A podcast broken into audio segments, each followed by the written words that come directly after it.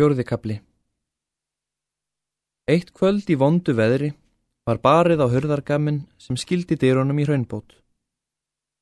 Þegar upp var lokið skreiðin flækingsveslingur, hrakin og hel blár af kulda og baði Guðspænum að lofa sér að vera. Það var auksnakeldu toppi, sveitlægur umræningur þar í hreppnum, heilsulítið gamalmenni og öregi, maður sem allir vermenn í víkinni könnuðust vel við. Hann var skáldmæltur og nýð skeldin. Heift úðugur ef hann þóttist eiga einhverjum grátt að gjalda, en sérlega þakklátur þeim sem viku góðu að honum. Flestir voru honum góðir, en sumir ömuðust þó við flakki hans. Komdu sæl, Tóbías minn, og verðtu velkomin, mælti Salomon, um leið og hann rétti honum höndina og hjálpaði honum inn úr dýrónum. Ekki verði þér meinað húsaskjólið, en ekki hefur það mikil þægindi að bjóða eins og þú veist.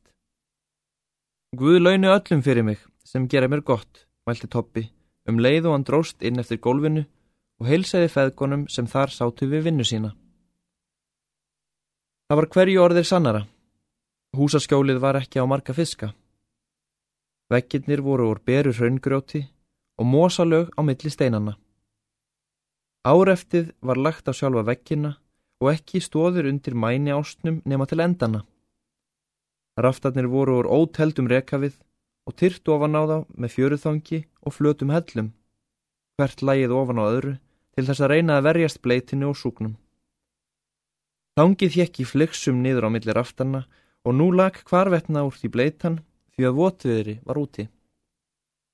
Einni rann sakkin ofan á alla vekkina og engin tök voru að ganga svo frá hörðinni að ekki lemdist regnið inn með henni. Eldstó var við annan vekkin skamt frá dýrónum en hálf tunnulaupur, botlaus og í báða enda stóð gegnum þekkinu og var strompur. Letin voru á bálkum sem hlaðið var með fram vekkjunum, lagður á þá mósi og loks söðskinn, en brekkán og hærusekkir til að hafa ofan á sér. Á gólfinu og upp í rjáfrinu var hvarvetna komið fyrir matvælum, veidarfærum, skinnklæðum og öðrum nöðsynjum vermanna og snirtilega um allt gengið. Feðgarnir sátu sinna hvoru fleti inni við gablin og gerðu að veidarfærum sínum. Á milli þeirra logaði glatt á kólum sem stungið var inn í stóðina, fullri af hrábrættu lísi. Var því bjart um alla búðina og förður hlítarinni. Salomón tók nú að glæða eldin í stónni til þess að Tóbías gæti ornað sér og þurkað fött sín eftir föngum. Feðgarnir tóku hann tali á meðan og spurði hann almæltra tíðenda.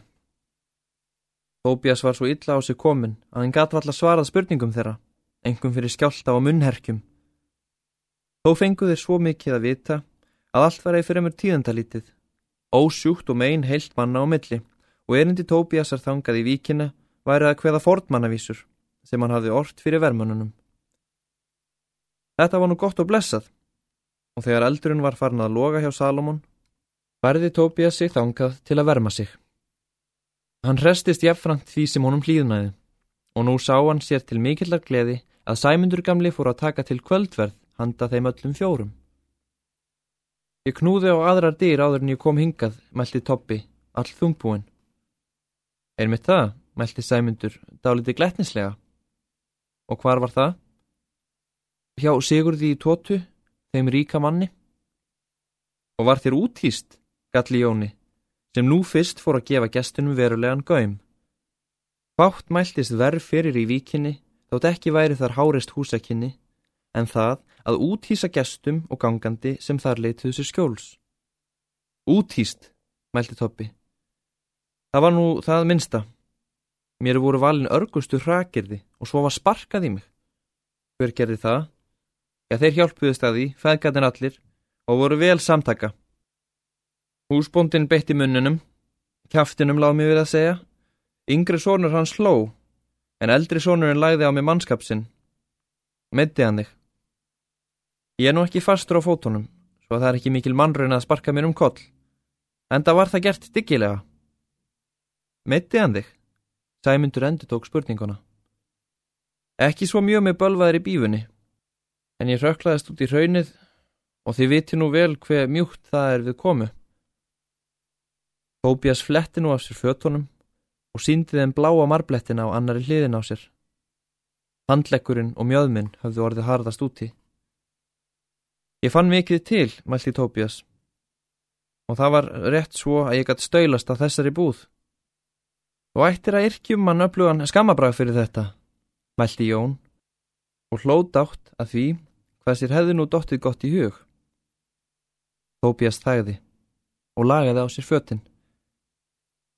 Að minnstakosti eftir að minnast hans tilhlýðilega í formannavísunum, mælti sæmundur og kýmdi góðlega. Það gerir hann auðvitað þar að auki, mælti Jón og var ákafur. Nei, þú ættir að yrkja um hann sérstakann brag. Þína saman allir hans vammir og skammir og lýsa þeim í smellnum stökum, þegar að fyndin og napur láta sjóða á keipum. Tóbías gengdi þessu engu, en mikið var hann um niðri fyrir. Salomon lagði ekkert til málana. Jæja, Tóbi minn, mælti Sæmundur. Hvað sem þessu líður, þá er þið nú velkomið að hýrast hér hjá okkur, ef þú getur gert hér það að góðu, því að formannavísurnar þarftu auðvitað að kveða í hverju búð. Ef þér leiðist hér heima, þegar við erum á sjónum, eða ef þér lakar við að vera hér einsamall í nábili við sigga tótu, þá er þér velkomið að fylgja okkur á sjóin.